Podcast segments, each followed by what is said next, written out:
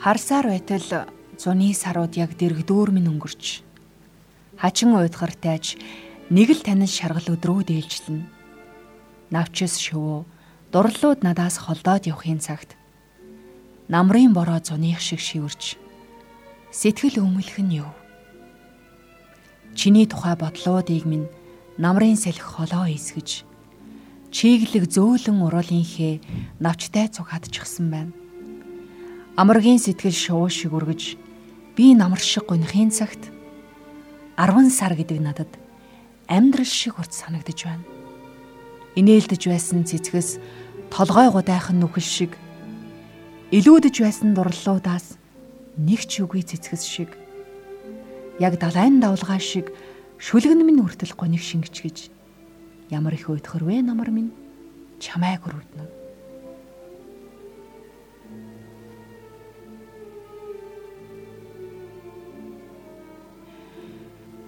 Навчис шаарлаж модод найхсан намрын шаргал өнөөдөр Игэл 91.1 радиогийн нэгэн шинэхэн подкаст танд хүрч байна. Миний мэдих намар гэхин шүлэг миний уншижсэн намрын тухай шүлгүүдээс хамгийн сонсголонтой. Нэг тийм юугмэр чинь бодолд автуулсан хөнгөн гуник төрүүлсэн гой мэдрэмж өгдөг. Ийм ч учраас өөрийнхөө дуртай шүлгээр өнөөдрийнхөө подкастыг эхлүүлж байна. Аливаа зүйл тодорхой үр дүн хүлээлтийг үүсгэж зориг зорилтод хөтлөгдөн хэрэгжиж эхэлдэг шиг манай номын подкастын цоо шинхэн дугаар өөрийн гэсэн өнгө төрхөөр тань хүрэх гэж байгаад хөтлөгч миний зүгээс талархалтай байна. Энэ дугаараар номтой холбоотой сонирхолтой байж болох мэдээллийг та бүгдэд хүргэх бөгөөд дараа дараагийн дугаараар мэдээж хэрэг ямар нэгэн гайхалтай зохиолыг энэ нь бол дан ганц зохиол гэлтгүү магадгүй шинжлэх ухааны ч юм уу аль эсвэл хувь хүний хөгжлийн хүүхдийн ном гэд ямар ч ном гэж болно. Эдгээрээс яг чухамхүү энэ номыг уншсанаар та яг ямар мэдрэмжийг мэдэрч болох юм? Би эндээс яг юуг ойлгож болох юм? Аль эсвэл энэ зохиолч энэ зохиолоор дамжуулаад уншигчдад яг юуг ойлгуулах гэж бичсэн байж болох вэ? Эдгээр олон асуултуудын хариулт олгож таамаглал нэвшүүлэн би тантай мэдрэмж сэтгэлээ хуваалцнаа л гэсэн үг. Миний хувьд ном унших дуртай хүмүүсийг хамгийн зөв зүйлд цаг зав зарцуулдаг Фило библистүүд гэх төртэй. Фило библист гэдэг нэршил бол миний санаан зоргоор нэрлсэн зүйл биш. Энэ нь номон дуртай хүмүүсийг өөрөөр хэлбэл номын хорхойтнуудыг ийхүү нэрлэдэг. Тухайн номыг та хараахан эхлүүлж амжаагүй ч болно. Аль эсвэл аль хизээний уншчихсан ч гэж болно. Ер нь анзаараад байх нэ ном уншихын за даан ялангуяа ямар нэгэн зохиол эхлүүлэхийн сайхан нь тухайн уншигч өөрийнхөө ойлгож, өөрийнхөө мэдэрч, өөрийнхөө төсөөлөхөд байдаг. Яг ижил нэг ном уншсан хоёр хүний ойлгосон ойлголт, мэдэрсэн мэдрэмж, олж харсан зүйл нь бүр огт ондоо байдаг. За бас огт ондоо гэж хэлэхэд тохиромжгүй байх л та. Ерөнхийд нь уншигчид нэг ижил зүйлийг ойлгодог. А гэхдээ бусдаар бол ялгаатай. Энэ нь тэр хүний мэдрэмж, төсөөлөл, а бас хөө амьдралыг харах үзэл ч юм уу те. Тэр болгонтой нь холбоотой гэж болох юм. За жишээлх юм бол Грекийн эмгэнэлт жүжигийн төлөөлөгч Софокли бичсэн Эдип хаан зохиолыг уншсан уншигчдаас та яг энэ зохиолоос юуг ойлгосон юм бэ? Утга санааны хувьд яг энэ зохиол юуг илэрхийлж байгаа юм? Энэ Эдип хааны дүр чухамхүү энэ зохиол ямар үүрэг оройлтой байгаа юм? Тэгчлэнтэй тухайн хүний байр суурийг тодруулж асуухад хүн бүрээс гарч байгаа тэр хариулт харилцан адилгүй байдаг. За зарим хүмүүс юу гэдэг чинь энэ зохиол бол хүний амьдралын тэр гуниг харуулслыг илэрхийлсэн байна. А өөрөөр хүний амьдрал гэдэг хувирамдхай хүн өөрт заяасан тэр хувь тавилан гэдэг зүйлээс хаашаач зайлж чадахгүй гэсэн санааг зохиолч магадгүй илэрхийлэхийг зорьсон болов гэж хэлэх юм байна. А бүр элдв самун үзэгдэлтэй их одоо хүндхэн тий ойлгоход юм бэрх зохиол байна гэж үзэж хүн байна. Эндээс харахад хүн болгоноос өөр өөр санаа, өөр өөр мэдрэмжийн илэрхийлэл гарч идэг. Эдив хааны дүрийг аваад үзэхэд одоо юу гэдэг чинь тэр зохиолыг уншсан хүмүүс дотроос энэ дүр бол хөөр хим нэмгэнэлт хувь тавилангийнхаа эсрэг зугтах гэж хичээгээд хичээгээд болсонгүй дээ. Хувь тавилан яг одоо энэ хүнээр тохуурахчлаа гэдэг байр сууриас тэр дүрийг зөвтгөх, цагаатгах тийм бодолт хийсэн уншигч байна. А нөгөө талаас энэ бол төрсэн эцгээ алж ихтэйгээ суусна. Үүлийн үр гэдэг зүйл байдаг бол зайлшгүй одоо тэрийг хүртэх хэвээр амтан гэж буруудгах ч одоо хүмүүс байна. Тэгвэл нийтлэг хүмүүсийн ойлгосноор хүний амьдрал гэдэг хуримтгай одоо юу гэдэг чинь хүн өөр заяасан хувь тавилангаасаа хаашаач одоо зайлж чаддаггүй гэсэн санааг энэ зохиолч одоо илэрхийлэх гэж зорьсон болов гэд таамаглал төвшүүлээд үзэнгүүт магадгүй энэ хүн чинь шал ондоо зүйлийг уншигчдад хүргэхэд бичсэн бол яах вэ? Гэтэ харамсалтай нь энэ зохиолч өнөөдөр бидний донд байхгүй байгаа учраас та яг энэ зохиолыг ямар зорилгоор бичсэн юм бэ? Аль эсвэл энэ зохиолоор юуг илэрхийлэх гэсэн юм бэ гэдгийг бид асуух боломжгүй. Энэ мэдчлэнгээр ном гэдэг зүйл өөрөө маш гүн утга агуулгатай. Одоо уншсан хүнд олон зүйлийг эргцүүлүүлсэн. Хамгийн чухал нь бидний мэдрэмжийг хайрцаглаагүй л учир байгаа юм. Тухайн номноос, тухайн зохиолоос олж харсан таны ойлголт биш ээ. Эн чинь яг л ийм зүйлийг одоо илэрхийлэх гэж бичсэн юм а гэдэг тийм хүний бодол эргцүүлэлийг хязгаарласан зүйл номд огт байдаггүй.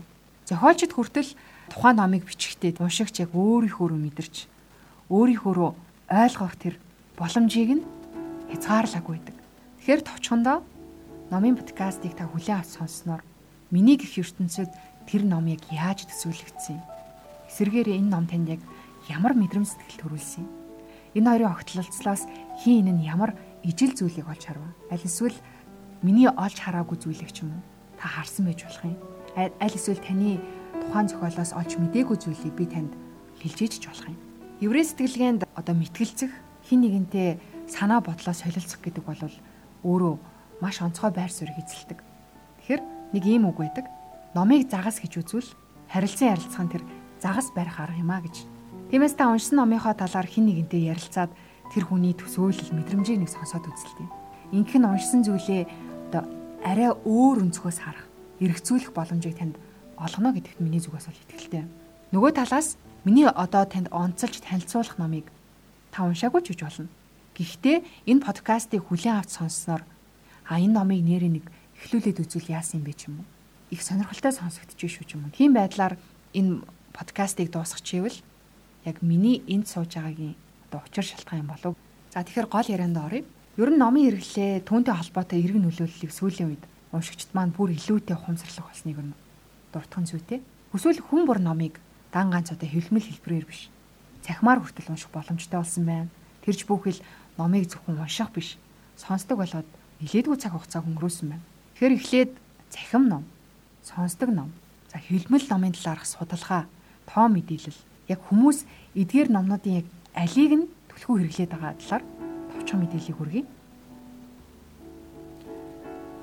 Сүүлийн үеийн судалгаанаас харахад дэлхийн номын зах зээл дээр хамгийн өндөр өсөлт гаргасан салбар бол аудио ном буюу сонсдог ном болсон байна.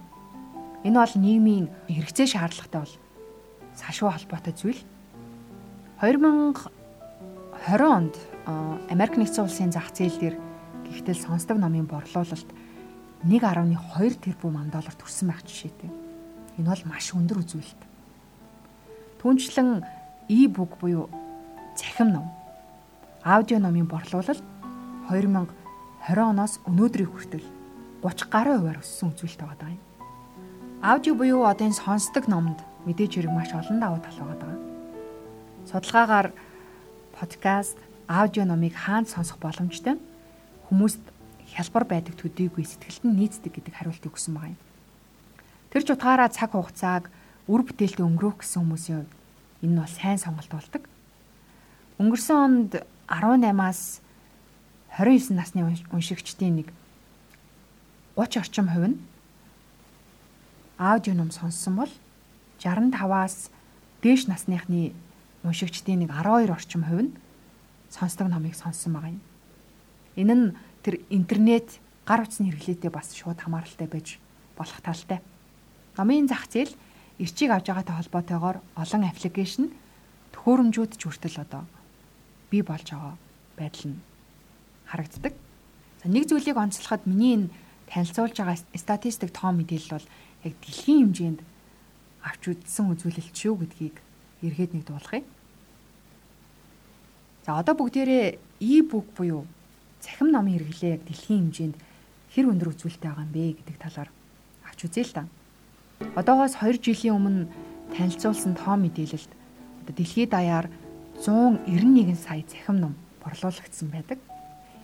Энэ үзүүлэлтийг өмнөх оных нь муу үетэй харьцуулахад 12.3% өсөлттэй гарсан байгаа юм. Тухайн онд захим номын борлуулалтаас олсон орлого 1.1 тэрбум Америк доллар төрсэн үзүүлэлт мөн харагдсан. Товчхондоо захим номын талаар одоо захим номын давуу тал нь яг юу агаад байгаа юм бэ гэдэг талаар мэдээллийг хүргэе. Ердөөсөө л нэг төхөөрөмж дээр тэ олон номыг зэрэг татаж унших боломжтой. Бусад хүмүүстэй шеэр хийх, түүнчлэн цаасны хэрэглийг багасгаж байгальд эрг нөлөө үзүүлэх гихчлэн ийм олон давуу тал байдаг. Тэгвэл ийм дэвшилтэд техник технологийн хувьсэл явагдаж бүх зүйл хэлбэрчлэгдээд байгаа энэ цаг үед хэвлэмэл ном өөрөө яагаад хэрэглэнээс гарах байгаа юм бэ? Борлуулалтын тоо хэмжээ нь яагаад буурах байгаа юм? Би товчхондоо мэдрэмж нь ондоо учраас л гэж хариулна. Ер нь амьдралын хамгийн сайхан нь альва зүйлийг чин сэтгэлээсээ хүртэх, мэдрэх байдаг. Тэр мэдрэмж ямар ч хийж болно. А гагцхүү мэдрэмж бүрээс бид онцгой зүйлийг олж хардаг. Яг үүнтэй адилаар өөрийн дуртай номоо барьж аваад тухтай орчноо бүрдүүлээд номынхаа хуудсыг имрээд тэр нэг хүртгүү мэдрэмжийг тултал нь мэдрээд суух өөрөө чаргал байдгаа гэж миний зүгээс боддог. Яг л энэ мэдрэмжүүдийг эрэлхийлдэг учраас миний хувьд энэ бол миний хувьд шүү. Хэвлэмэл номыг төлхөө ашигладаг, уншдаг. Статистик мэдээллийг авч үзвэл жил бүр 125 тэрбум Америк доллартай тэнцвүүц 300 сая хэвлэмэл ном борлуулагддаг байна. Яг хөө дээрх судалгаанаас харахад аудио номын борлуулалт өндөр үзүүлэлттэй, огцон өсөлттэй байгаа хэдий ч хэвлэмэл ном буюу та бидний хүртгүүгээрээ дамжуулж уншаад байгаа энэ номын борлуулалт урдын адил хэвийн үзүүлэлттэй борлуулалтын хэмжээ буурсан үзүүлэлт бол огт ажиглагдахгүй байгаа юм. Тэгэхээр юм бүхэн хоёр талтай гэдэг. Түүний адилаар хэвлэмэл ном, энэ цахим ном, сонсдог номонд аль алинд нь давуу талч бий. А нөгөө талаас сөрөг гэд хэлчихэр зүйлч бас байгаа. Ийм болохоор сонсогч та өөрт аль хэрэглэхэд хэлбэрийг нь ашиглаад өдөрт ядчил хамгийн багадаа 30 минутыг ном унших болон сонсоход зарцуулж байгаарай. Нэг зүйлийг онцлоод хэлэхэд тухайн номыг хэдийн хугацаа зарцуулж өдөрт хэдэн хуудсыг уншина октоосоо чухал биш. Харин тэр уншсан зүйлээсээ юуг ойлгож толгойдоо хийж авваа гэдэг л нэм бодвоштой зүйл. Миний ойлгодгоор ном унших гэдэг бол тухайн хүн өөртөө цаг зарцуулж байгааг л илэрлэл байдаг эцсийн нүндээ хүн номыг яах гэж уншдаг юм? Гэхдээ өөртөө хэрэгтэй гэдэг үднээс л. Хэвлийн машиныг Йоханнес Гутенберг 1439 онд зохион бүтээж ном хэвлсэн цагаас номын соёл гэдэг зүйлгөөрөө дэлхийд дахинд түхэн дэлгэрсэн байна. Тэгвэл үүнтэй холбоотойгоор өөр нэг мэдээллийг тань хүргэе. Европт өдөрт хамгийн багадаа нэг цагийг ном уншихад зарцуулдаг. Бөгөөд Финланд, Польш, Эстон улсууд бол хамгийн их ном уншдаг гэсэн судалгаа байдаг юм байна. Тэгвэл Азууд хэр их ном уншдаг юм бэ? Аз дотроо аль улс ном уншихад хамгийн их цаг зарцуулдаг вэ? Бусад газруудтай харьцуулахад Азуудын номын хэрэглээ, ном уншихад зарцуулдаг цаг их өндөр үзүүлэлттэй байдаг. Яг уу номын сан, сонин сэтгүүл, компьютерийн хүртээмж зэргээрээ өөр бусад газруудтай харьцуулахад хязгаарлагдмал байгаад байгаа хэдий ч энэтхэг Тайланд болон Хятад улс өдөрт нэгээс илүү цагийг ном уншиж өнгөрүүлдэг. Тэгвэл солонгосчууд Азууд дотроос ном худалдаа авахд хамгийн их одоо мөнгийг зарцуулдаг гэж байна. Голчлон мөнгөө хувь хүний хөгжлийн ном худалдаа авахд зарцуулдаг гэж хариулсан байна. Нөгөө талаас аудио номын хэрэглээ хятад хамгийн өндөр үзүүлэлттэй байгаа төдийгүй насан туршидтын 30%. За насан туршигүй хүүхдүүдийн 34% нь аудио номыг сонгож хэрэглэдэг гэсэн судалгааны үр дүн байна. За тэгвэл өмнөд Африкийн тухайд хүн амынх нь ердөөл 14% ном уншдаг бөгөөд энэ нь бусад газруудтай харьцуулахад тунд хар үзүүлэлт байгаа юм. Африкт насан туршидтын 3 тутмын нэг нь бичиг үсэг тайлагдаагүй байдаг учраас ном уншиж чаддаггүй. Миний бодохоор үүнээс гадна яг олон хүчин зүйл тэр Африкт номын соёл гэдэг зүйлийг түгээн дэлгэрүүлэхгүй байхад нөлөөлж байгаа болов уу гэж бодож байна. Ер нь манай Азууд ном унших үзүүлэлтээр дэлхийн хэмжээнд тэргүүлдэг. Монголчуудын хувьд ч ялгаагүй номын соёл гэдэг зүйл өөрөө өргөн дэлгэр төгсөн байдаг. Сайшаалтай нэг зүйл нь залуучуудын номын хэрэглээ сүүлийн жилүүдэд өсөх болсон нь олон зүйл дээрээс ажиглагддаг. Энэ нь зүгээр нэг хоосон үзүүлэлт төдий зүйл биш. Залуучууд өөрийгөө хөгжүүлэх, за зөв зүйлд цаг зав зарцуулах болсон илрэл юм болоо гэж хувьдаа бодож байна.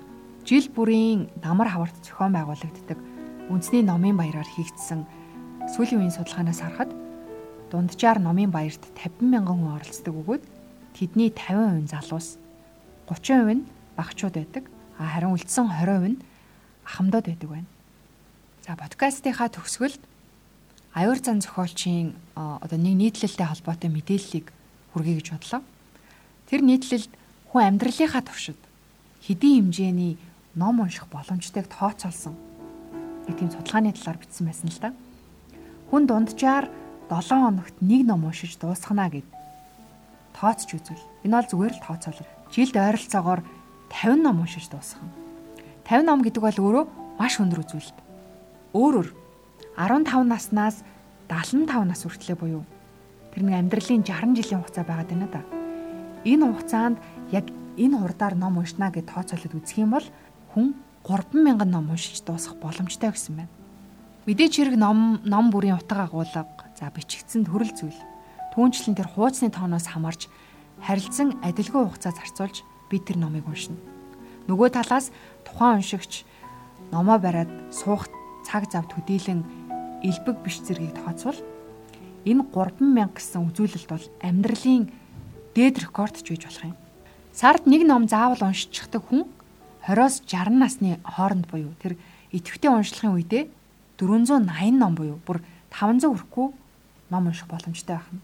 Тэгэхээр ерөөсөө л бидэнд хамгийн дээд үзүүлэлтээр 500 хүрэхгүй ном унших цаг хугацаа л өгдсөн байдаг юм л да.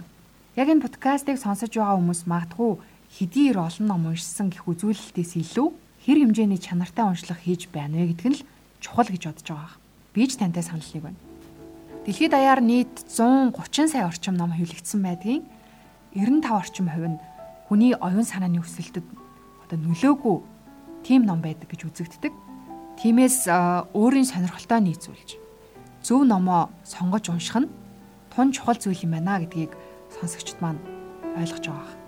За тэгэхээр миний дараагийн дугаарт одоо онцолж тань хүрэхээр сонгосон ном бол зохиолч Уй Хуваагийн Амьдрах уу гэдэг зохиол байгаа юм.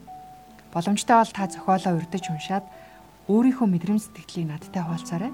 А үнэхээр боломж гарахааргүй бол тухайн цаг мөчид надтай хамт байж номын талаар мэдээллийг хүлээн авч сонсоорой. За ингээд өнөөдрийнхөө дугаарыг өндөрлүүлье. Хамт байсан та бүхэндээ баярлалаа. Дараа дараагийн дугаарууд шинэ өнгө төрхтэйгээр сонсож танд хүрнэ гэдэгт миний зүгээс сэтгэлтэй байна.